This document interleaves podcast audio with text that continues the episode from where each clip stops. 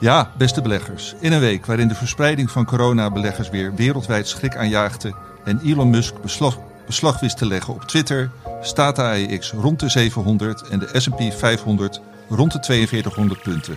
Tijd om te praten over beleggen. Dit is voorkennis. There are three ways to make a living in this business. Be first, be smarter, or cheat. I don't cheat. Beleggersbelangen presenteert voor kennis. Ja, beste beleggers, leuk dat jullie weer luisteren. Ik, Johan Brinkman, mag vandaag weer de presentator zijn. En de gasten zijn vandaag wederom mijn collega's Menno van Hoven en Stefan Hendricks. En we hebben uh, een paar gevarieerde hoofdonderwerpen. Uh, gevarieerd van beleggen in pretparken tot in tractoren. Maar we beginnen uiteraard weer met terugkijken. En uh, daarvoor mag ik eerst het woord aan Stefan geven. Stefan, wat zijn de meest opvallende dingen die jou zijn opgevallen afgelopen week? Nou, er zijn ongelooflijk veel dingen die nu opvallen. Uh, alle grote uh, techbedrijven die met winst komen, die opvallend ontvangen worden. Waarbij natuurlijk de afgelopen kwartalen opvalt dat uh, Meta-platforms, het voormalig Facebook, dan iedere keer de grootste uitslagen laat zien. Nou, wat je zelf al noemde, um, toch wel weer wat paniek in China met betrekking tot COVID. En dat heeft ook alweer zijn invloed op de Chinese beurs. En in valutaland zijn er ook best extreme bewegingen, want uh, de Japanse yen blijft maar door en door en door en door en doorgaan met dalen ten opzichte van de Amerikaanse dollar. Nu door de grens van uh, 130 yens per dollar heen gegaan en dat is uh, in de afgelopen 20 jaar niet meer voorgekomen. Dit jaar al op een verlies volgens mij van 13,5% ten opzichte van de dollar. Nou ja, komt dat? Omdat vandaag opnieuw de Bank of Japan bevestigde het monetaire beleid te willen voeren, zodat de lange rente, dus de 10-jaarsrente in Japan, zo rond de 0% blijft hangen. Nou ja, dat betekent verruimend monetair beleid. Dat is heel wat anders dan eigenlijk in de rest van de ontwikkelde wereld wordt gedaan. Want de Federal Reserve en zelfs de ECB, die praten veel meer natuurlijk in termen, en de Bank of England ook trouwens, veel meer in termen van verkrapping, bestrijden van inflatie. Terwijl Japan, het lijkt wel zijn enige inflatie in ieder geval, verwelkomen. Ja. Dus je ziet daar echt hele extreme uh, valutabewegingen. Um, Federal Reserve gaat het verste. Uh, en daar zie je dan ook echt de meest extreme bewegingen. Dus de dollar-index, de Ja. DXY. Dat is ook een index die um, uh, de Amerikaanse dollar afzet tegen een mandje van belangrijke andere uh, valuta in de wereld. Nou, die stijgt ook maar verder en verder tot het hoogste niveau. En ik moet dit soort dingen altijd even uh, nakijken. De hoogste stand sinds de kerst van 2002 had ik uh, uitgezocht. Um, en wat je ook ziet, en dat is denk ik op zich ook wel heel apart, is dat als je, die dollar stijgt natuurlijk eigenlijk altijd in, in tijden van onrust. Dus Ja. zoals nu uh, oorlog en weer vrees voor corona in China, waar we het over hebben gehad, dan is de dollar aantrekkelijk. En dan komt het ook nog eens een keertje zo dat um, als je de zeg maar, je, je, je veilige haven zou willen zoeken in tienjarige Amerikaanse staatsleningen, Ja. dan zijn die ook best aantrekkelijk. Want die hebben nu eenzelfde effectief rendement als tienjarige Chinese staatsleningen. Dus zeg maar tot een jaartje geleden uh, kreeg je gewoon anderhalf procentpunt meer op een Chinese tienjarige staatsobligatie dan op Amerikaanse. Nou, dat is een hele tijd lang zo gebleven. De afgelopen maanden is dat iedere keer wat afgekalfd van 100 naar 100, van 150 naar 100 basispunten. Helemaal niks nu. Nee, nee. Dus als je een veilige haven zoekt, dan krijg je op dit moment eenzelfde effectief rendement op een tienjarige Amerikaanse staatslening als op een tienjarige Chinese. Ja, ja. En wat ik me uh, over dat uh, valuteverhaal afvraag, Steffen. Um, het is hartstikke interessant en heeft vast heel veel impact op allerlei dingen. Maar wat, wat, wat moet je daar nou als Nederlandse particulier mee? Of moet je daar überhaupt wat mee? Ja, het is meestal onderga je dit soort dingen. En, en dan voornamelijk ook nog via de aandelen die je in portefeuille hebt. En als je een gespreide portefeuille hebt, dan zul je altijd wel bedrijven hebben die ervan profiteren. Of bedrijven hebben die er een beetje last van hebben. Ik heb zelf de um, afgelopen week natuurlijk weer gekeken naar de cijfers van de farmaceuten. En Novartis uh, rapporteert in dollars en die voorziet dan een iets slechtere valuta-invloed. Sanofi rapporteert in euro's en die ziet een iets positievere valuta-invloed. Ja, kijk, je moet daar natuurlijk wel een beetje uh, doorheen kijken als belegger, maar het zegt denk ik meer iets over het algehele klimaat op de beurs als dit soort uh, vrij heftige bewegingen plaatsvinden. Maar je kunt je er vrij moeilijk, we hebben dat in het verleden ook wel eens behandeld hier in deze podcast, je kunt je er vrij lastig bijvoorbeeld direct tegen indekken. Ja, Ja, oké. En over instabiliteit eh, gesproken. eh, mij viel zelf op dat eh, de, de, de fix, dat hij vorige, eind vorige week en ook begin deze week weer omhoog schoot. Ehm, hoe staat hij nu? Goeie vraag. Dat is altijd een, een index die Karel onvoorstelbaar intensief volgt. Oké. Een van zijn favoriete indices.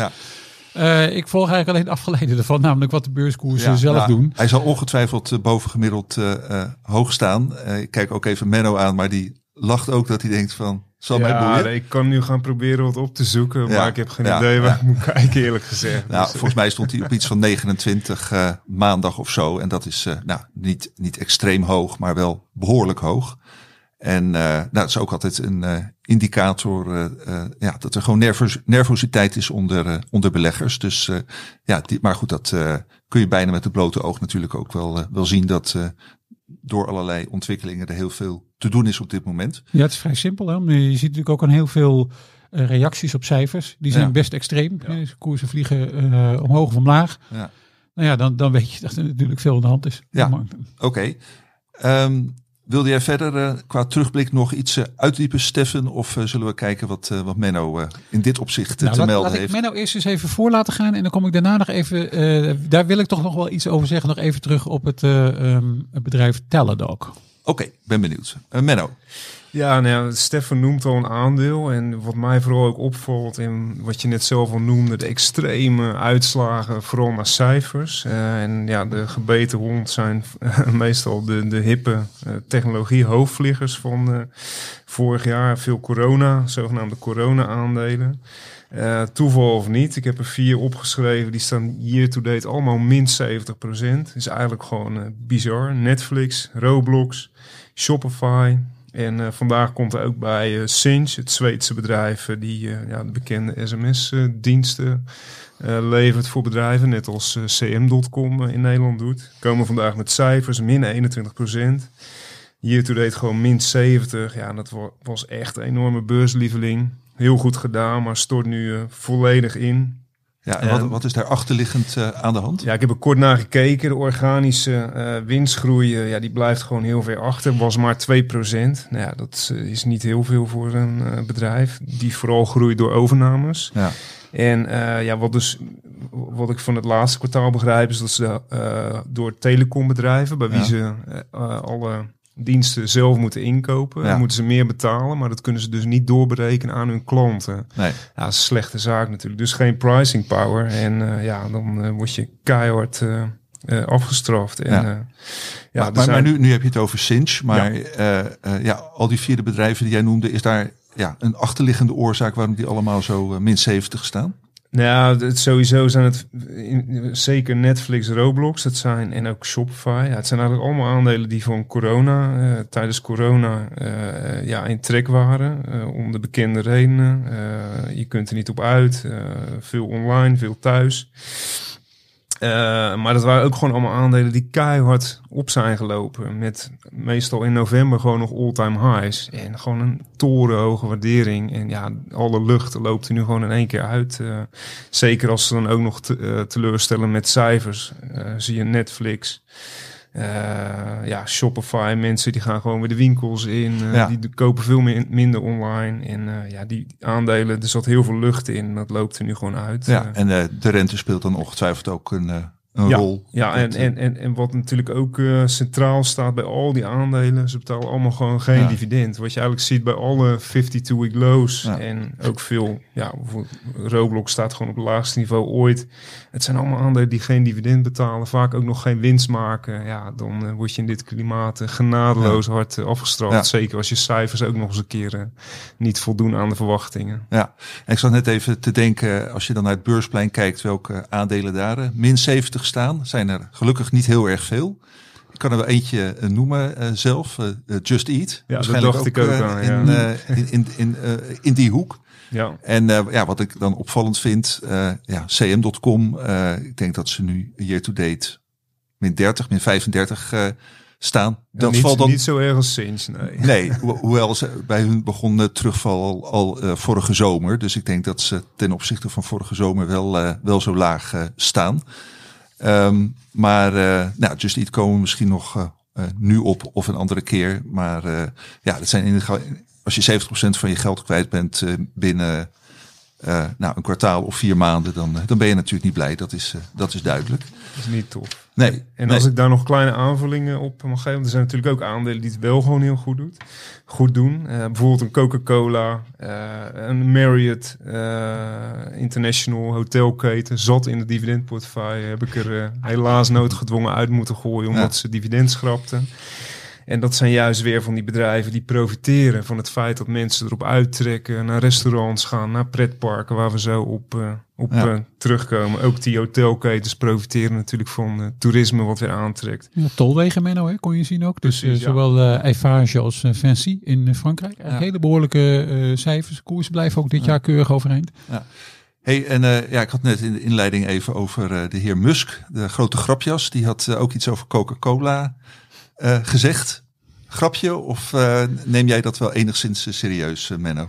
Nou, ik zag ook gelijk wat zijn, zijn net of, of zijn vermogen was, wat dan nog volledig geparkeerd of bijna volledig geparkeerd zit in Tesla-aandelen. En Ja. dat is niet eens toereikend als je kijkt naar de huidige market cap van Coca-Cola. Dus hij zal er niet serieus mee geweest zijn. Eh, Was er een ja. kleine koersreactie of heb je dat ook niet Ik eh, kunnen me waarnemen? niet, ik kan me niet voorstellen. Maar Nee, ik weet wel nee. dat Coca-Cola rond het hoogste niveau Nee. ooit staat. Dus eh, ja, er zal niet heel veel. Nou, het is ook wel fijn dat er grapjes van hem zijn waar niet serieus op gereageerd Nee, wordt. Ja, ja. Eh, nou, dankjewel eh Menno. Volgens mij wilde Stefan eh, hier nog iets op, wat, op, op gaan zeggen. Nou ja, in- in dat thema van, ik heb ze maar even de, de, de COVID-darlings genoemd. Hè, dus de aandelen die eh, ongelooflijk geprofiteerd hebben van de uitbraak van corona. Zit er ook nog eentje tussen die ik ja, toch ook nog wel even wil behandelen. Want het is toch wel weer het, nou, iedere keer weer een overtreffende trap van eh, hoe dit soort bedrijven gaan. En een Amerikaans bedrijf Teladoc. Dus laat ik maar zeggen dat het een virtuele doktersdienst is.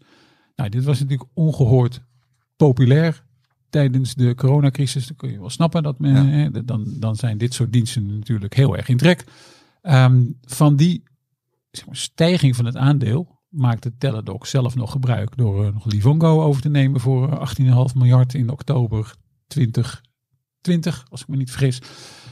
En gisteren na beurs kwamen ze met cijfers. Ja, en als je een groeiaandeel bent en je groeit niet, dan heb je wel een beetje een probleem. Dus ehm Teladoc kwam met een, eh, nou ja, vond ik wel een serieuze winstwaarschuwing. Dus niet alleen was er een goodwill afschrijving van meer dan 6 miljard. Nou, dat werd- ik heb nog niet helemaal precies kunnen zien waar die vandaan komt. Maar ik neem aan dat het te maken heeft met de overname van het Livongo voor 18,5 Ja, miljard. ja. Daar staat iets in de boeken waarvan Teladoc, of in ieder geval de accountant van Teladoc, nu toch ook denkt, nou dat is het waarschijnlijk niet meer waard. En dat is denk ik wel een eh, terechte vaststelling. Maar ook zeg maar, de gewone operationele activiteiten, daar was Teladoc opeens ook een stuk minder positief over. Dus de, de EBITDA-verwachting, dus dat is de operationele winst voor afschrijving en amortisatie immateriële activa, dat moeten we er altijd even netjes bij zeggen. Die verwachting is ook met 26% verlaagd tot zo ongeveer eh, 260 miljoen voor het hele jaar.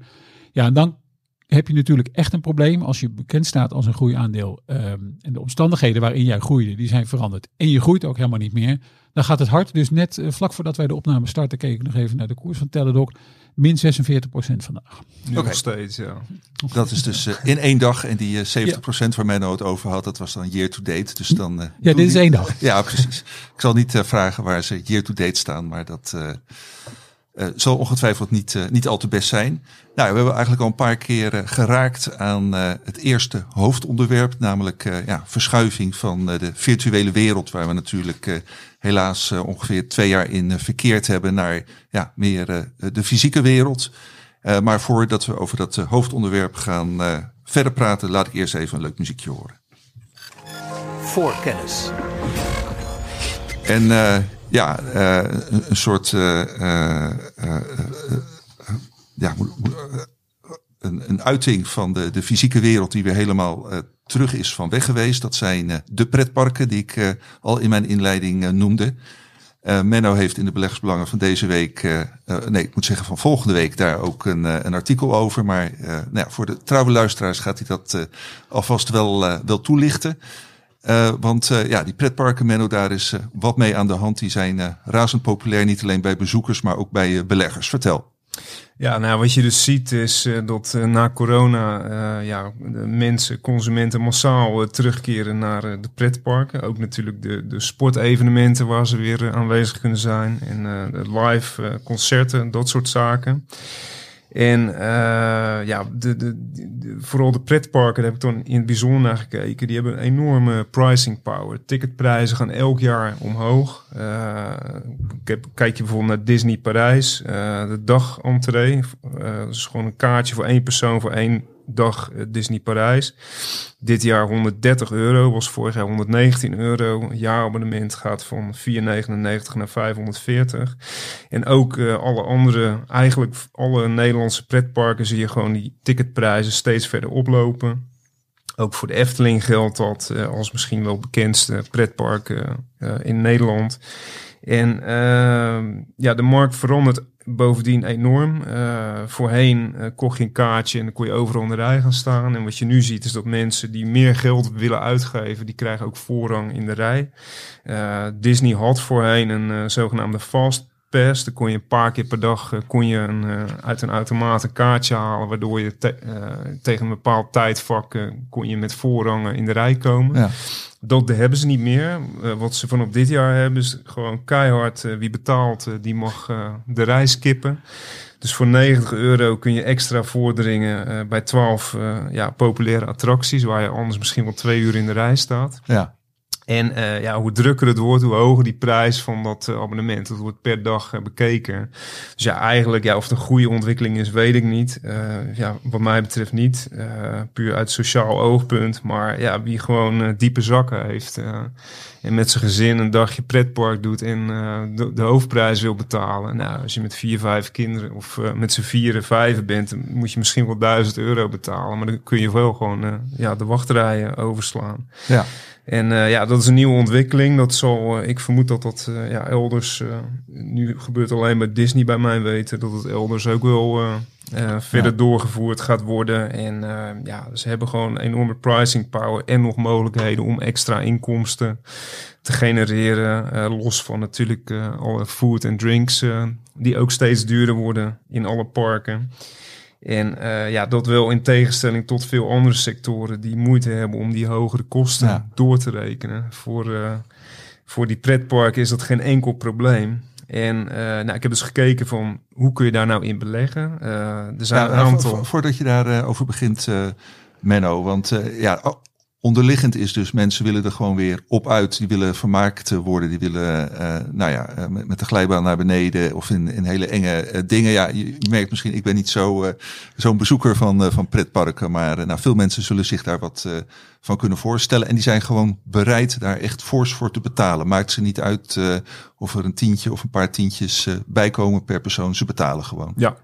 ja ze nee. betalen. En het is die verschuiving natuurlijk die we al eerder hebben gezien. Op het moment dat je misschien iets minder Netflix kijkt en iets ja. minder Spotify luistert ja. en er wat meer gewoon fysiek op uitgaat, dan krijg je ook een verschuiving van bestedingen, misschien ook een verschuiving bij mensen van ja, waar, ja. Eh, waar hechten wij op dit moment belang aan en op het moment dat je er weer op uit kunt, ja. Ja. Dan wil je dat misschien ook wel. Ja. Nee, ik, ik herken dat ook wel bij mezelf. Ik ben dan wel een pretpark-fan. Uh, ja, en ik bedoel, je betaalt het toch wel. Uh, Ja. Als het nou een tientje duurder is dan vorig jaar, ja, daar ga je niet voor, voor wegblijven. In dat kader is ook wel grappig. Er was toevallig van de week een onderzoekje van een Amerikaanse broker. En die spreekt over een secular swing, waarbij de consument eh, meer uitgeeft aan services en experience, zoals pretparken. En juist minder aan echt uh, de goods, dus de consumentengoederen. En dat zie je ook wel in die beurskoersen van, Ja.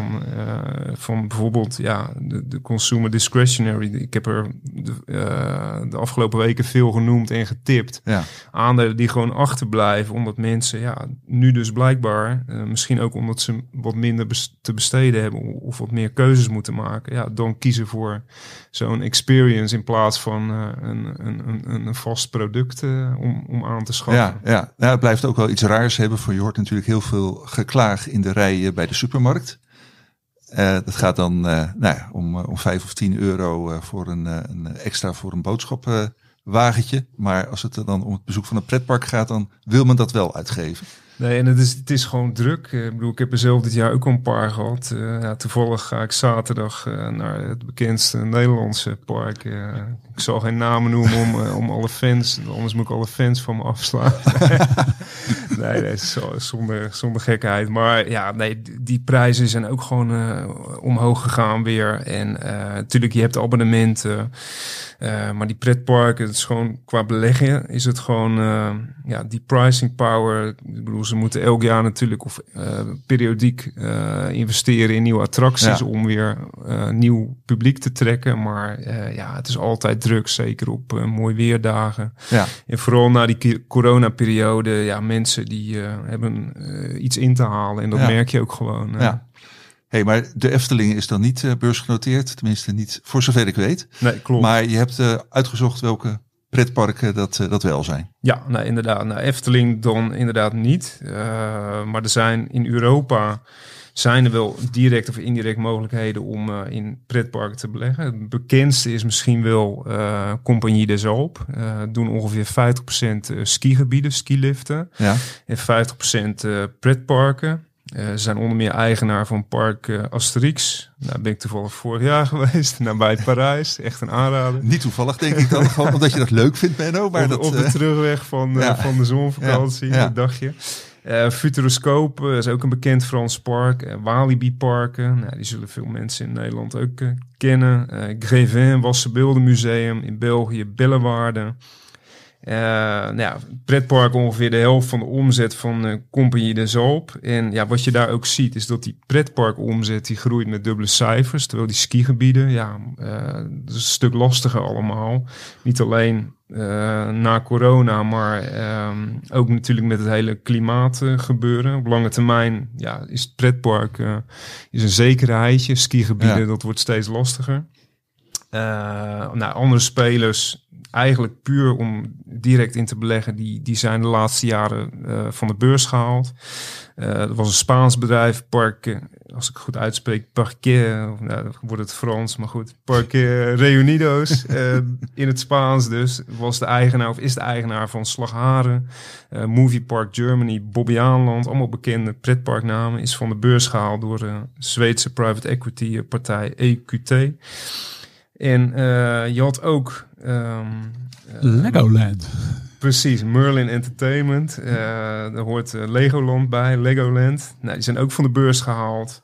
Eh, dus qua directe spelers, je hebt er ook nog eentje trouwens in, in Denemarken, Tivoli. Eh, volgens mij is dat slechts één park, ook een pretpark. Dat is Ja, nog wel direct het, het bekende Tivoli-park eh, in Kopenhagen. Kijk, nou, daar mij- ben ik nou nog nooit geweest. Nee, nee, nou, ik ook niet, maar ik heb het wel eh, van buiten gezien, zeg maar. Maar ik ben netjes buiten blijven staan. Precies. Nou, En wat je dus bij dat aandeel ziet, heb ik kort naar gekeken, ben er niet al te diep op ingegaan verder, maar die staat ook nabij een all-time high. Ja. En dat zie je dus eigenlijk. eh, kijk, van Disney zou je het ook verwachten, maar die zitten ja, heel fors de laatste tijd in het hele streaming verhaal. En dat drukt gewoon die koers. Disney staat gewoon uit mijn hoofd iets van min 30 dit jaar. Terwijl, ja, ik ben ervan overtuigd als ze niet het hele streaming gebeuren zouden doen en zich puur zouden toeleggen op die pretparken en de andere activiteiten, dat ze dan veel meer nabij een all-time high eh, zouden staan. Want die pretparkenbusiness is gewoon booming. Ja, En juist dat hele streaming verhaal, en dat- ja, dat zie je ook aan Netflix, enorme concurrentie. Ja. Dat zet gewoon druk eh, op het aandeel eh, Ja. op dit moment. Ja, je hebt ook hele andere concurrenten natuurlijk. hè, Want eh, ja, zo'n Disney concurreert natuurlijk met Netflix, maar ook met, ehm, met Apple Ja. en ook met Amazon. Eh, Ja. dus concurrenten met hele, hele, hele diepe zakken. En dat is niet altijd natuurlijk een hele fijne concurrentiestrijd om te voeren. Terwijl bij die pretpark heb je misschien andere concurrenten of misschien in sommige gebieden gewoon geen Precies. Ja. Precies. Ja, en een pretpark, ik bedoel, je plemt niet zomaar eventjes een nieuw pretpark neer. eh, Of je zet het neer. Precies, nee, begrijp ik bedoel. Afgezien van de kosten, vergunningen. Ja. Ja, ja dat, is- dat, dat is, eh, het is eigenlijk een beetje eh, het railroad idee. Als je die eenmaal hebt liggen, ja, dan komt er niet snel eentje naast. eh. Hey, en heel eh, even een eh, donker-zwart scenario, maar we hadden het net al even over eh, eh, corona-besmettingen in China. Als het weer gezellig de hele wereld eh, overgaat, wat eh, in die pretparken moeten dicht, is dat niet een levensgroot gevaar? Nee, zeker. Dat, ik bedoel, ik ga zo dieper in op eh, SeaWorld. Ja, wat je daar dus bijvoorbeeld ziet, 2020, ja, de omzet keldert gewoon. Ja. En als ik me niet vergis, op een gegeven moment maakten ze 25 miljoen verlies per, eh, per maand. En dat kun je een x-aantal eh, maanden of jaren volhouden. Ja, dan heb je gewoon een probleem. En dan moet je denken aan een emissie, wat bijvoorbeeld Compagnie de Zalp heeft eh, gedaan.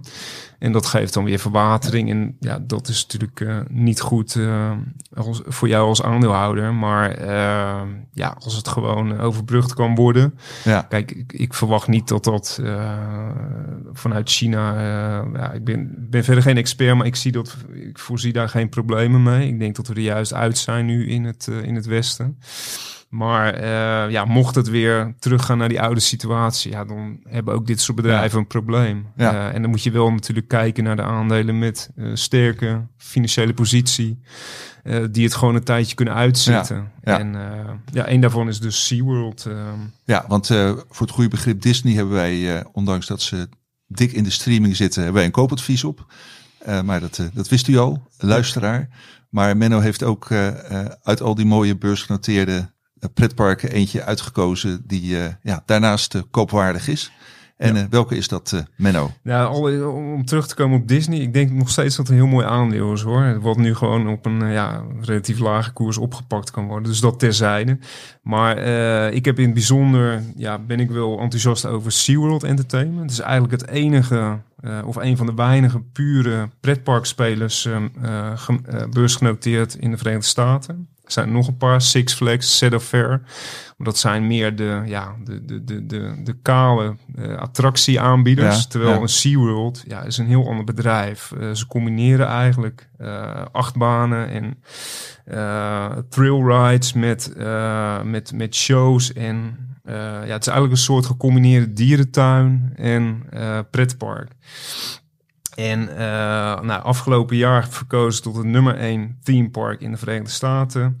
En ze zijn eigenlijk van paria naar beurslieveling omgeturnd. Eh, we stonden heel slecht in het nieuws vanwege eh, de Orca Fok-programma's. Eh, documentaires over geweest. In 2013 eh halveerde de beurskoers naar de documentaire Blackfish. Wat ja, voor enorm teruglopende bezoekersaantallen eh, heeft gezorgd. Nou, die crisis zijn ze te boven. Ze hebben dat slim eh, omgeturnd en ze richten zich nu eh, ja, hoofdzakelijk echt op dierenwelzijn. En de Orca-shows die voorheen ja, Ja. de publiekstrekker Ja. waren, die zijn ingeruild voor experiences, encounters met orka's. Ook uiteraard weer tegen betaling. Ja, Kun je een maar- ontbijtje doen met een orka en een bak naast je, dat soort... Oké, dus de orka's hoeven geen sprongetjes meer te doen, maar Nee. die moeten nu een, eh, iemand, een mens wat eh, naast hun zwemt, eh, naast zich dulden. ja. En dat, dat vinden ze leuker. Precies, ja. Ja. En op een gegeven moment, ja, die beesten, die hebben een bepaalde levensduur. En dan, dan houdt het op Ja. en dan verdwijnen ze ook gewoon uit de parken. Ja, Dus eh, ja, dat. En wat ze, ze zetten zich heel erg in ook op rescue efforts. Eh, ze hebben speciale programma's voor de redding van zeekoeien. Jaarlijks worden er honderden wilde dieren eh, in het wild gered. Het is natuurlijk allemaal fantastische PR. En ja, bijvoorbeeld wat ik zo te weten ben gekomen is dat 25 april was het de Wereld Pingwingdag. oké. Er zijn eh 13 van de 18 pingwingsoorten zijn ernstig bedreigd. En eh, SeaWorld eh, steunt eh, de bescherming van, van, ja, van, het onder, van de pingwings, zowel financieel als met, met onderzoek, via hun eigen experts. Ja, En het interessante, daar ben ik dus ook te weten gekomen, is dat als je bijvoorbeeld een keizerspingwing wilt zien, en ik had het met Stefan over, dat zijn gigantische beesten natuurlijk. Ja, ja. Eh, 1,30 kunnen ze worden. ja. 25 kilo is niet voor te stellen hoe groot. Ja, en als je erover nadenkt, ik, ik heb er nog nooit een in een dierentuin gezien. En er is één plek. ja eh, 25 kilo, dat is toch niet Ja. zoveel? Nou ja, het Voor- is eh, ongeveer de, het gewicht van mijn zoon op dit moment. Dus Oké, dat, eh, ja, ja, nee, ik, eh, ik, ik, ik dacht eh, iets met een, nog een nulletje erachter of Nee, zo. nee, nee, maar... Ja, Oh, de- de- penguins heb je het over. ja, Nee, geen orka's. Nee. Nee. eh. Oké, Nee, de- nee. de, eh, penguins die wij in de dierentuinen hier zien, dat zijn van die hele lullige kleine beestjes. ja, nee, ik maar- trek mijn, ik trek mijn opmerking in. Dat, eh, ik was, zat nog Nee, zo dat- bij de, bij de, met de orka's eh, in mijn hoofd. eh tart de verbeelding. Ja. Nee, dus dat, ja, maar er is dus één plek in eh, de Western Hemisphere eh, waar je eh, die keizerspingwing kunt zien. En dat is dus bij SeaWorld San Diego. En nou ja, SeaWorld heeft dus twee of drie SeaWorld vestigingen. Uit mijn hoofd San Antonio, eentje in Florida, Orlando en dus San Diego. Ja. En dus bij één van die drie, dus een van de weinige plekken op de aarde waar je dus die ja, hele indrukwekkende keizerspingwingen kunt zien. Ja. Eh, maar SeaWorld is meer dan die dieren slash uh, thrillride parken. Ze hebben ook eh, twee Busch Gardens eh, parken. Ga ik zo nog even dieper op in. Eh, ze hebben vier waterparken, Aquatica. En ze hebben twee Sesamstraatparken, ofwel Sesame Place eh, parken. Wat ook gewoon pretparken uiteraard eh, voor de kids eh, Ja, zijn. Ehm, ja, het interessante van die Busch Gardens is dat het oorspronkelijk van de bierbrouwer is. Dat Ja. zit ook in de naam. Ja. Anheuser Busch. Ehm, het was oorspronkelijk een eh, marketingvehikel van, van de bierbrouwer, waar gasten in een mooie omgeving bij de brouwerij kennis konden maken met de smaak van gratis bier. Je hebt gratis bier en andere producten. veel studenten. Ja, Ongetwijfeld, ongetwijfeld. En ja, eerst werd dat, eh, was het alleen in een mooie omgeving. Later werden er dieren aan toegevoegd. Werd het een soort dierentuin. En eh, ja, met de opkomst van Disney World hebben ze daar ook attracties in geplaatst. Ja, en nu is het eigenlijk een soort van afgeleide van SeaWorld. Met eh, exotische dieren en achtbanen en dat soort zaken. En eh, ja, dat heeft heel lang, eh hoorde dat bij En- Anheuser-Busch. Eh, Ja. Op een gegeven moment hebben die dat verkocht. Heeft, is het van de beurs gegaan of in de handen van private equity gekomen. En uiteindelijk heeft SeaWorld dat gekocht. En ehm, ja, het grappige is, ja, ik ben in het verleden, toen het nog onder Anheuser-Busch viel, Ja, ben ja. ik wel eens bij zo'n Buschcar of bij, nou moet ik het goed zeggen... Eh, ben ik wel eens in zo'n park geweest, maar inderdaad, dat, dat is doorspekt van de steentjes met Budweiser producten, Oh, goodies. Ja, en, ja, ja. Dus, dus dat was echt een marketinginstrument van, van de bierbrouwer eh, om via die parken eh, ja, bier populairder te maken en bier afgeleide producten te verkopen. Maar wordt er nog steeds veel bier verkocht bij SeaWorld? Of is dat er nu helemaal, helemaal uit? Ja, nee, dat zal ongetwijfeld. De laatste keer dat ik bij zo'n park was, had je nog wel zo'n Budweiser winkeltje. Dus Oké. Die, die, die, die Ja. restanten van die historie zijn er nog wel. Ja, maar ja. ja, ja ik, eh, ik ben er tijden niet meer geweest. Ik hoop Nee. dat ik er eind van het jaar weer eens een keer heen kan. Ja, En dan eh, kan ik daar volgend jaar verslag eh, van doen. ja, Maar eh, nee, SeaWorld, eh dat is nu vooral echt eh, op dierenwelzijn gericht. En eh, in combinatie met, eh, met shows. En, eh, eh, en gewoon ook daar zie je dat die ticketprijzen jaarlijks omhoog gaan. En eh, ja, een hele interessante business denk ik om eh, in te beleggen. ja, want jij eh, geeft hier een koopadvies op. Ja. Eh, want eh, ja, de cijfers zijn ook gewoon eh, in orde. Ja, nee, ik heb het. eh, ze komen op 5 mei komen ze met eh eerste kwartaalcijfers. Dus dan Ja. weten we helemaal hoe het ervoor staat. Eh, maar de reden, of hoe ik eigenlijk bij dit aandeel en bij dit thema terecht kwam, eh, is dat SeaWorld een all-time high neerzette enkele weken geleden. Ja, ja, Eh, nou ja, terwijl bijvoorbeeld, wat ik zei, een Disney of Compagnie de Zalp nog ver onder hun hoogste Ja, koersen ja. noteren. En ja, hoe ga je dan kijken naar het laatste kwartaal van eh, SeaWorld? Dan zie je gewoon eh, een eh 2,7 of moet ik het goed zeggen, 5 miljoen gasten in het vierde kwartaal tegen 2,7 miljoen in coronajaar of tweede coronajaar 2020. ja, ja, dat zeg ik goed. En eh, de groei eh, van het aantal bezoekers was gewoon 5,4% ten opzichte van de periode voor corona. Dus het, het groeit gewoon eh, heel mooi door. En door die hogere ticketprijzen, kostenbesparingen, is de omzet gewoon in het laatste kwartaal 24% hoger dan het kwartaal. Eh, laatste kwartaal voor corona. Dus ja. ja, ze doen iets duidelijk heel erg goed. Ja. Eh, 2021 een recordomzet van anderhalf miljard geboekt. ja, Eh, taxatie voor dit jaar van analisten is een eh, aanvullende groei van 15% tot eh 1,73 miljard. En ja, al kijk je dan uh, naar uh, de onderliggende fundamentals, zoals ik dat altijd doe eigenlijk. Ze betalen overigens geen uh, dividend. Hebben ze in het verleden wel gedaan. maar toen de koers heel hard ja, wegzakte ja. na het hele orka, ja. ja, drama zal ik het maar noemen, hebben ze gekozen om aandelen in te gaan kopen. Wat achteraf gezien heel goed is uitgepakt. Want ze hebben ja, tegen een koers van nou, minder dan 10 dollar zijn ze begonnen met inkopen. En ze staan nu rond de 70 dollar op die all-time high. Uh, maar kijk je ook naar waardering voor dit jaar, uh, koers-winstverhouding van 16. Aandeel is de laatste dagen weer wat teruggezakt. Uh, en ze maken gewoon hele hoge marges. EBIT-marge 30%. Ja. Kijk je naar Disney, natuurlijk een andere business mix, zit ongeveer op 15%. De Compagnie des Alpes zit ja, zelfs maar op 6%. Ja. Dus heel winstgevend. en analisten zijn ook heel erg positief over dit aandeel met geen enkel verkoopadvies. En ja, daar kan ik me ook wel in vinden. Oké. Uh, nou, uh, wat jij er verder uh, nog op aan te vullen hebt, Menno, dat kunnen abonnees volgende week ja, in Beleggersbelangen lezen. Absoluut. Stefan, heb jij er nog wat op aan te vullen op dit verhaal? Nou ja, een paar opmerkingen wel. Ik vroeg me heel erg af wat bijvoorbeeld loonkosten eventueel zouden doen met de marges van dit soort bedrijven. En ja, we hebben het natuurlijk al gehad over eventuele interesse van private equity. En de vraag is of dat interessant is of private equity ook op deze niveaus, op recordstanden, geïnteresseerd zal zijn in dit soort partijen. Of dat ze dan weer wachten tot enige koers terugval, Menno. Ja, nou ja, goed, om met dat laatste te beginnen. Het, het grappige, of het grappige, het interessant is wel dat uh, juist SeaWorld zelf een bod heeft gedaan op Fair. Uh, eind vorig jaar, begin dit jaar. Dat is afgewezen. Dus uh, ze kijken zelf ook wel naar expansiemogelijkheden. Maar inderdaad, ja, op een all-time high zal de kans op een, uh, een, een beurs-exit normaal gesproken minder klein zijn. Maar als ik puur naar fundamentals kijk, ja, dan zie ik daar zeker als je voor de lange termijn zo'n actie zou ondernemen als private equity partij. waarom niet? ik sluit het zeker niet uit. Het is gewoon een extra trigger, denk ik wel eh, voor dit aandeel. Maar ja, het is op dit moment minder aannemelijk dan pakweg een jaar geleden toen de koers uh, flink lager stond. Ja, die jongens zijn ook niet gek bij private precies, equity. Oké. En uh, verder nog uh, aanvullingen hierop, uh, Stefan? Nou, nee, vragen? De, de, loonkosten is Oh, de loonkosten, ja. ja. Nou ja, goed.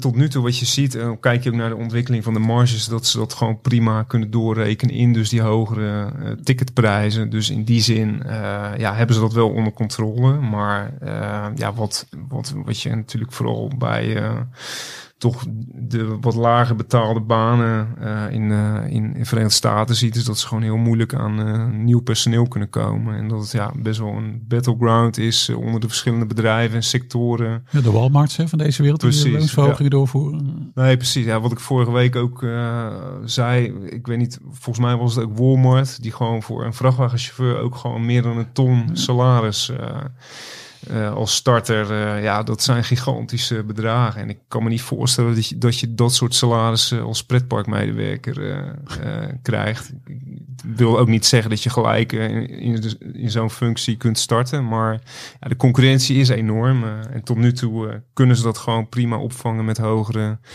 prijzen. en op 5 mei ja, komen weer kwartaalcijfers. Dus zullen we ook wel meer horen over hoe ze dat in het jongste kwartaal hebben weten op te vangen. Ja, ja. Oké, nou super interessant. En uh, nou ja, jouw kennende Menno kunnen er nog heel lang uh, over doorpraten. Maar dat gaan we niet doen, want we hebben nog een tweede hele leuk en spannend uh, hoofdonderwerp. Ja, ik zei, tractor, ik zei tractoren, maar ik ga eerst eens even muziekje doen. Voorkennis. ja, tractoren. Uh, iedereen weet wie het is, maar uh, niet iedereen weet hoe je erin kan beleggen. En uh, waarom het op dit moment wellicht interessant is. Kun jij er wat meer over vertellen, Stefan? ja, misschien moeten we daarvoor ook eigenlijk al is gewoon weer een link met de, de, oorlog in Oekraïne natuurlijk. Die, die oorlog heeft uiteraard gezorgd voor een stijging in de prijzen van fossiele brandstoffen. Maar omdat natuurlijk zowel Rusland als Oekraïne uh, ook uh, grote landbouwproducties hebben beide, heeft het ook gezorgd voor een stijging in de landbouwproductprijzen. En ook alles wat ermee te maken heeft met kunstmest en kunstmestproducenten. Nou, we hebben in deze podcast al eens eerder gesproken over de kunstmestproducenten, de, de OSIS, et cetera. Maar er is ook nog een andere partij eigenlijk die hier een, rol bij speelt en die misschien ook nog wel een baat bij kan hebben. En dat zijn de producenten van landbouwvoertuigen en landbouwapparatuur. Want ja, wat, wat wil het geval natuurlijk? Op het moment dat voedselprijzen stijgen, eh, dan krijgen boeren misschien eh, meer en hebben ze misschien ook meer te besteden. Eh, en dat is natuurlijk uiteindelijk weer goed voor een aantal van dat soort bedrijven. Nou, de meest bekende en de allergrootste is natuurlijk John Deere. Ehm, dat is wel een beetje de, de mammoet in de sector. Maar ehm, in de dividendportefeuille zit bijvoorbeeld eh, ook Amerikaans bedrijf Achco. En dan heb je nog een Amerikaans-Italiaanse partij, CNA Holdings. eh, en een Zwitserse partij, Boeger Industries. Ehm, ja, en voor die partijen eigenlijk is, eh, ging het een tijd lang ook hartstikke goed. Dus John Deere tikte, nou wat was het vorige week nog, een nieuwe all-time high aan. En is sindsdien met een procent of 12 in elkaar geklapt. Want er spelen natuurlijk wel wat verschillende zaken in die sector een rol. Ehm, want ja, die boeren die hebben natuurlijk niet alleen te maken met ehm, hogere verkoopprijs voor de producten, als ze uh, tarwe, mais, et cetera verbouwen, maar dus ook wat eh, zo wordt genoemd hogere inputprijzen. Dus de energiekosten gaan omhoog en ook natuurlijk de prijs voor kunstmest. En dan is het maar de vraag, gaat de marge van de boer omhoog of gaat de marge van de boer omlaag? Ehm Credit Suisse had kort geleden een rapport en die was best wel positief. Die zeiden, nou met name in Amerika zullen, die, eh, zullen de prijzen sneller stijgen van de, die de boeren zelf berekenen dan de eh, inputkosten van de boeren. Met andere woorden, de marge van de gemiddelde boerderij gaat omhoog. Maar vanochtend waren er eh, eerste kwartaal omzetcijfers van Boeger Industries. En die waren wel wat voorzichtiger. Dus op zich waren die cijfers eigenlijk nog hartstikke goed. Dus de, de, die, eh, de, de divisie, hè, Boeger heeft ongeveer 40% is, bestaat uit landbouw, ehm, zeg maar. Althans, eh, apparatuur en allerlei eh, ehm, zaken die daarmee samenhangen. Ehm, en die waren wel wat voorzichtig. Dus we beginnen het nu wel een klein beetje te zien. Dat die, eh, dat die hoge prijzen, of het nou energie is of kunstmest. Ja, dat begint nu toch wel een beetje bij de, eh, bij de boeren aan te tikken. Dus die werden een klein beetje voorzichtiger. En Bank of America heeft een, eh, en daar was mede aanleiding voor de koersdaling, onder andere van, van Deere, ook een rapport gepubliceerd en zegt, nou ja, we zien wel een beetje een tekort aan kunstmest en daarmee natuurlijk een, een misschien wat kleinere productie. Eh, en daarmee misschien ook een wat kleinere groei van de orders voor dit Ja. soort eh, partijen. En interessant is, want in Amerika houden ze ongeveer werkelijk alles bij. Dus ook de gezondheid van de landbouweconomie wordt daarbij gehouden via een, eh, een index van de Purdue University en in combinatie met de CME, zijn beursgroep, de AG barometer en AG is dan AG. Ja, En ehm, die barometer die daalt. oké. En, en die barometer wordt vastgesteld op een eh, basis van een enquête onder 400 boerenbedrijven.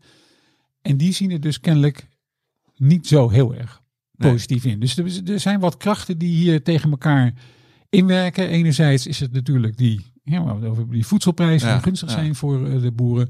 Anderzijds natuurlijk de hoge inputkosten. Dus we zullen per bedrijf gaan zien hoe dat precies uitwerkt. Eh, later in mei komen ehm, in ieder geval Achco, volgens mij 5 mei, ook met eh, CNH. Die komen ook op dezelfde dag met cijfers. Dus ik ben heel erg benieuwd wat die daarover gaan Ja. zeggen. Of zij hetzelfde sentiment hebben als Boeger Industries. Of dat zij ietsje positiever ehm, zullen zijn. Ja, ja. Maar er staan op de lange termijn en eh, misschien zelfs ook wel op korte termijn ook wel wat positieve trends tegenover. Want ja, productiviteit van landbouwgrond moet eigenlijk wel omhoog. We hebben Ja. er niet meer van. Nee. Eh, ik zeg we hebben er niet meer van, maar het zou ook kunnen zijn dat door de voedselcrisis sommige overheden, bijvoorbeeld in Europa, misschien iets soepeler zullen gaan worden met de verdeling van grond. Dus nu is Ja. het, hè, in Nederland kennen we de discussie natuurlijk Ja. over eh, stikstofuitstoot. Nou, daar zijn die, eh, die landbouwbedrijven kunnen daar ook een bepaalde rol bij spelen door, door Mhm. middel van een, nieuwe technologie en nieuwe producten. Maar het is ook zo dat er wordt gekeken of er misschien toch niet wat meer grond beschikbaar gesteld moet worden aan eh, landbouw. Omdat we, ja, opnieuw, hè, we, we merken nu hoe afhankelijk we zijn Ja, van Oost-Europa. Dus we merken dat voor aardgas, maar we merken dat dus ook voor landbouwproducten. ja, ja. En dat zou natuurlijk op het moment dat dat gebeurt, bijvoorbeeld in West-Europa, Ja. als, als we daar wat soepeler in zijn en zeggen, nou ja, om, om milieuredenen werd er eerst wat minder land beschikbaar Ja. gesteld van landbouw, maar misschien moeten we dat beleid toch een beetje gaan draaien. Dan zou dat op termijn voor dit soort bedrijven ook wel eens heel erg gunstig kunnen zijn, want dat betekent nieuwe boerenbedrijven of grotere boerenbedrijven Ja, en misschien meer vraag naar dit soort producten. Dus het is een, sector volgens mij die we als belegger heel erg in de gaten moeten houden. Nou, ik noemde al vier grote spelers daar. Uh, de allergrootste is Deer en die behalen ook het meeste van de omzet Ja. in de VS. Wat misschien gezien de huidige geopolitieke toestand niet zo verkeerd is. Zij ongeveer 57 procent. En ik denk dat dat 40 procent is voor, eh, voor CNH. Ja, Dus dat is ja. wel echt een, eh, een stuk minder. En voor Achco is het volgens mij nog minder. Maar ehm, ja, eigenlijk zijn die, die, die bedrijven best redelijk gewaardeerd. Ik bedoel, Deer is. Het duurste. Ja, het is natuurlijk de, de, ehm, de 800 pound gorilla in de sector, zoals ze altijd zeggen in Ja, Amerika. ja. Is, is echt een gigant. We hebben het over een beurswaarde van 118 miljard. Ja. En voor is dat bijvoorbeeld nog geen 10 miljard. Nee. Dus eh, daar zit nog wel een, eh, een, een bepaalde factor tussen. Maar ehm, ja, Menno kan ongetwijfeld nog heel veel over Achco vertellen. Maar een aantal dingen vind ik wel heel erg interessant. Kijk, het is een bedrijf met een, een volkomen schone balans. Dus er staat nauwelijks schuld op. Ja. IJzersterk. Eh de waardering is ook echt heel erg laag. Dus we hebben het over ehm, voor Achco nog, nog geen 11 keer de winst over 2022 Ja. die wordt verwacht. Ja. Dat scheelt een stuk met die dik 17 die je voor eh Dier betaalt. CNH ehm, is ook 10,5, Boeger ietsje hoger. Probleem alleen wel is, Achco is echt de pure speler. Ja. De meest pure speler van die vier die ik heb genoemd. Ehm, omdat bij Dier is er ook nog 30% eh, onder industriële toepassingen Ja. en niet specifiek landbouw. Ehm, dus ja, Achco in de dividendportefeuille is wel denk ik een... eh, ehm, van die vier in ieder geval, je hebt de, de meest pure en laag gewaardeerde speler. Ja. Als je dan kijkt naar het dividendrendement, nou ja, dan is dat bij de eh meeste is dat zo rond de, nou ja, 2% voor Boeger en voor CNH. Ja. En dan denk je, hey, verdraait dat is wel heel erg laag voor die, eh, die twee pure Amerikanen dan. Want ehm, ga je naar Achco kijken, dan is het 0,6. Dat, dat oogt wel heel mager. Ja. En bij Dier is het ruim 1. Ehm, maar dat eh, Menno heeft wel een speciale reden dat het zo laag oogt Ja. bij maar niet in werkelijkheid zo is volgens mij. Nee, maar vo- voordat we daarheen gaan, eh Steffen, van eh, dat we eh, als beleggersbelangen positief zijn over Achco, dat is, dat is duidelijk. Maar heb jij van die andere drie nog eentje waarvan jij nu zegt van die is koopwaardig? Of wil je zover niet gaan? Nou, ik vind Dier is natuurlijk wel een, in die sector een van de mooiste. Ja, alleen, kijk, als ik nu gewoon st- hè, strak kan kiezen tussen Dier en Achco, Ja. Ja, dan is het waarderingsverschil is wel echt heel fors. Ja. En natuurlijk, eh, je kan iets zeggen over Dier, zo'n marktmacht, Ja. meer omzet in de VS. Het, het is altijd weer op een weegschaal leggen. Ja. Ja. Ehm, en ik zou eigenlijk zeggen op deze koersen slaat de weegschaal dan wat mij betreft wel net iets meer in positieve zin door voor eh Achco ten opzichte van ehm Dier. Ja, oké, helder. En eh, ja, eh, eh, Menno, dat, dat dividend van eh Achco, wat kun je daarover eh, vertellen hoe zich dat eh, ontwikkelt en hoe aantrekkelijk dat is? Ja, nou, sowieso ben ik het helemaal eens met Stefan. En ik zou zeggen, als je de mogelijkheid hebt, ja, waarom niet en dier en Achco kopen? Zeker. Dat, met allebei niks mis mee. Hè? Precies, dat bedoel ik. Eh, maar inderdaad, het dividend, het oogt, het oogt laag. Maar wat je in eerste instantie niet moet vergeten bij die Amerikaanse bedrijven... is dat ze eh, ja, eigenlijk me- altijd meer aandelen inkopen van de cashflow... dan dat er eh, dividend wordt uitgekeerd. Wat eigenlijk heel fijn is, want daardoor heb je Ja. ja, enorme marge om dat dividend sowieso eh, eh, overeind te houden... als het ineens heel slecht eh, mocht gaan. Ehm, en wat je bijvoorbeeld bij Achco ziet, dividendrendement inderdaad oogt heel laag met eh 0,6, inmiddels bijna 0,7. Eh, maar wat ze sinds vorig jaar doen, is dat ze elk jaar een spe- speciaal dividend willen gaan betalen. Vorig jaar het eerste, 4 dollar per aandeel.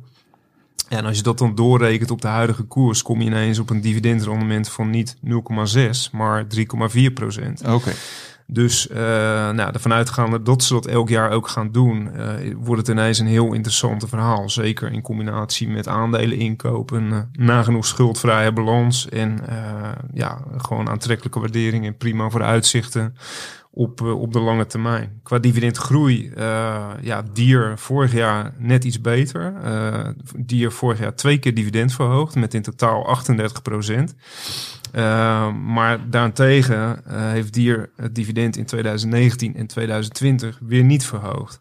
Terwijl Achco wel elk jaar het dividend is blijven verhogen. En vorig jaar uh, ja, is versneld met plus 25 procent. dus ja, je kunt voor allebei de aandelen wat zeggen. Qua dividendgroei dier vorig jaar beter, afgelopen vijf jaar ook net iets beter. Maar het neigt er wel naar dat Achco juist nu weer meer op dividendgroei zit. En daarnaast ook gewoon die speciale dividenden in principe elk jaar gaat Ja, uitkeren. want, want dat, eh, eh, waarom eh, speciale dividenden, waarom dat niet gewoon bij het reguliere dividend opgeteld? Dat is de achtergrond daarvan. Nou, eigenlijk, ik, ik, ik kan me daar wel in vinden. Eh, de achtergrond is dat ze, eh, of althans, zo zie ik het, dat ze per jaar eigenlijk maar af moeten wachten van hoe goed dit jaar is eh, en Ja. wat er uiteindelijk aan extra cash beschikbaar is. En dat je dan per jaar bepaalt van oké, we Ja. hebben een vast basisdividend. Ja, En in een heel goed jaar betaalde ook nog eens een keer een flink eh, speciaal dividend bovenop. En ja, Ja. de ene, het ene jaar zal dat 2 dollar zijn. eh, in een goed jaar 5. eh Ja. En in een heel goed jaar misschien 6, 7. dus een beetje Eh, vanuit het idee dat dat vaste dividend, dat dat gewoon Ja. eigenlijk gegarandeerd eh, er is Precies. en kan blijven groeien. En dat Zeker. waar er ruimte is, eh, een speciaal dividend kan worden Ja. uitgekeerd. Ja, Johan, je moet niet vergeten, het is, we hebben het hier natuurlijk wel ook nog over een enigszins cyclische activiteit. Hè? Dus, dus dat is denk ik wel van belang om dat ook te benadrukken. Want bijvoorbeeld een dier heeft ook jarenlang het dividend niet verhoogd. Dus ook tussen 2015 en 19 volgens mij is het ook nauwelijks verhoogd. Ehm, dus je, je, je kan op verschillende manieren kiezen natuurlijk. Ja, hè? Dat ja. dividend wat hoger houden en het dan op een gegeven moment gelijk houden. Ja, Wanneer de resultaten eh, er niet helemaal naar zijn om het te verhogen. Of zoals Achco inderdaad een soort vloer. Je ziet dat we nu wel bij meer bedrijven, ik heb net weer over de nutsector geschreven, dat En sommige in de oliesector zie je het ook. eh, Olie, precies. Amerikaanse eh, Ja, en- oliebedrijven. hè, toch bedrijven die, die dan naar beleggers iets willen communiceren over dat dividend. Dus in ieder geval zeggen, nou dit is de vloer, dit kun je altijd verwachten. Dus je Ja. ziet het ook bij een aantal eh, nutsbedrijven. Dus RBE heeft het bijvoorbeeld ook recent gezegd. En Enel heeft het ook gezegd. En Iberdrola heeft het ook gezegd. Ja. Bepaalde vloer. Als er meer ruimte is, doen we meer. Dus er valt op zich ook wel wat voor te zeggen. Want op het moment dat je een aantal jaar je dividend dan helemaal constant moet houden, dan wekt dat natuurlijk ook een, een bepaalde indruk bij beleggers. Ja, ja. Maar hoe zie jij dat dan voor de komende jaar of de komende jaren? Eh, zullen ze dat speciaal dividend bij Agro kunnen blijven uitkeren? Of eh, ja, is dat gewoon lastig te voorspellen? Ja, nou, het zo, kijk, ik, je weet ook niet eh, wat er voor extreme dingen kunnen gaan gebeuren. Maar in principe, en de lijn van verwachting is wel, de, de komende jaren gaan ze dat naar mijn idee zeker wel eh, eh, uitkeren. En eh, ja, op heel korte termijn komen we daarachter voor dit jaar. Want vorig jaar werd ongeveer rond deze tijd eh, die 4 dollar aangekondigd. En ja, waarschijnlijk volgende week komen ze met eh, de mededeling over het speciale dividend eh, voor 2022. En eh, ja, het zou mij niet verbazen als het eh, minimaal die 4 is van vorig jaar. Ja. Of misschien nog wel wat meer. Hey, en als het eh, gaat om de vraag of dit aandeel in de dividendportefeuille blijft, kijk je dan ja, naar, naar beide, de regulier of, en speciaal? Of is er dan toch vooral dat reguliere dividend, hoe zich dat ontwikkelt, wat voor jou het belangrijkste is? Nee, goede vraag. Eh Achco staat sowieso al heel lang op mijn eh, radar. Ik heb het eh, toen ze net naar de beurs gingen, eh, jaren geleden, heb ik het eh, voor het eerst getipt. En toen eh, ja, begonnen ze net met dividend te verhogen. Alleen die dividendgroei zwakte wat af over de jaren. Nou, maakt het voor mij minder interessant in combinatie met het lage dividendrendement. Ja, Eh, maar vorig jaar was echt een kentering. 25% dividend erbij, 4 dollar speciaal dividend. Ja. dat was voor mij iets van, nu moet ik ze hebben. Zeker Ja. omdat die koers ook... eh, nou, op dat moment was de koers best wel opgelopen, maar... ehm, Trouwens, nu staan ze weer eh, meer richting Ottermai. Dat terzijde. Nee, maar dat was voor mij eh, wel het punt eh, om ze in de dividendportefeuille te doen. Want het tikt all the boxes. forse dividendverhoging, speciaal dividend. Ja, goede balans, cashflow. eh Hey, dat, like the eh, business. Dus, eh, en agribusiness ontbrak een beetje na de verkoop eh, van Bayer en eerder FMC eh, in de dividendportefeuille. Dus eh, ik wilde ze er heel graag bij en dit was het moment. ja, Ja, zeker. Je moet natuurlijk zo'n speciaal dividend. Kijk, je, je kunt natuurlijk aandelen inkopen.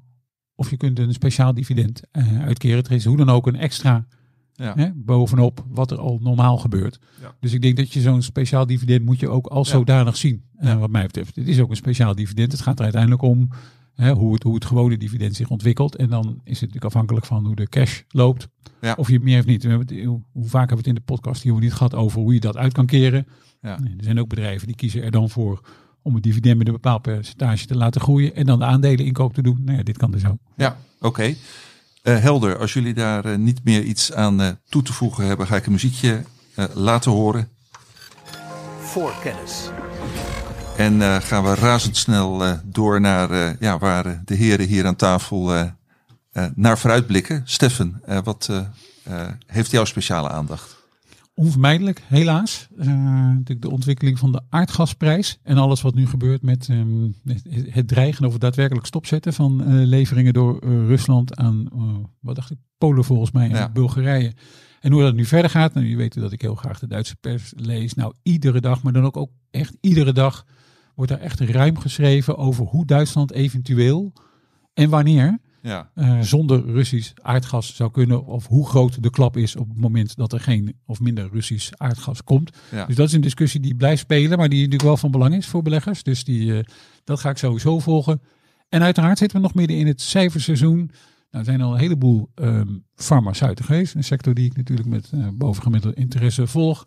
We krijgen volgende week nog Pfizer en morgen AbbVie onder andere. En een andere sector waar eh, mijn interesse ook ligt is de nutsector. En daar eh, komen onder meer Enel en EDP, die, ehm, waar ik deze week over heb geschreven. Ja, oké. nou, eh, genoeg om een mooi gevulde week mee te hebben. Menno, waar kijk jij met speciale belangstelling naar komende week?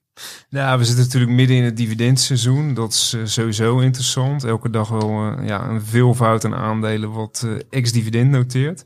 En in dat kader, wat we net besproken, ja, kijk ik ook toch wel uit naar hetgeen Achco gaat aankondigen, waarschijnlijk volgende week. Ja, En ja, ook interessant, Tule kwam van de week met cijfers. Ja, waar naar mijn idee helemaal niet zo slecht. van de dakkoffers.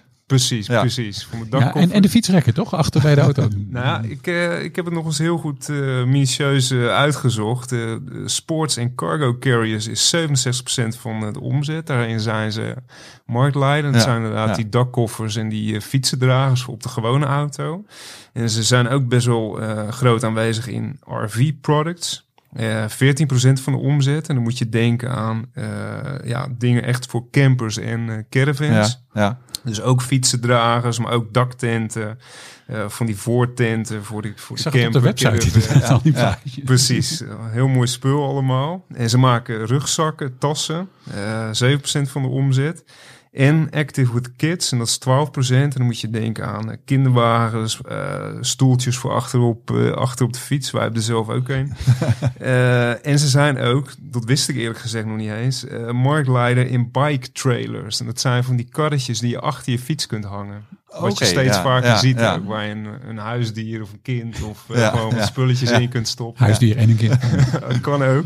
ja. Dus eh, en eh, wat, wat leuk is eigenlijk aan Tule, los van die cijfers, eh, en Stefan die merkte dat eerder ook al op. eh, op 11 mei hebben ze een Capital Markets Day. Ja. En dan gaan ze twee nieuwe productcategorieën aankondigen. En eh, ja, daar ben ik wel heel erg nieuwsgierig naar wat dat eh, gaat worden. Ik denk dat ze al een heel mooie, ja, eh, mooie selectie van producten hebben. En eh, nou ja, ze gaan zich toch ook nog op twee andere markten slash productcategorieën richten. En ik ben heel benieuwd eh, wat dat eh, gaat worden. En dat horen we op eh 11 mei. Dus eh laat maar komen. Dus eh, ook dat eh, gaan we weer eh, laten weten op de website of in ons eh, magazine. Eh Stefan Menno, hartstikke bedankt eh, voor eh, deze interessante bijdrages weer. Eh, luisteraars, jullie eh, bedankt. En volgende week zijn we er weer.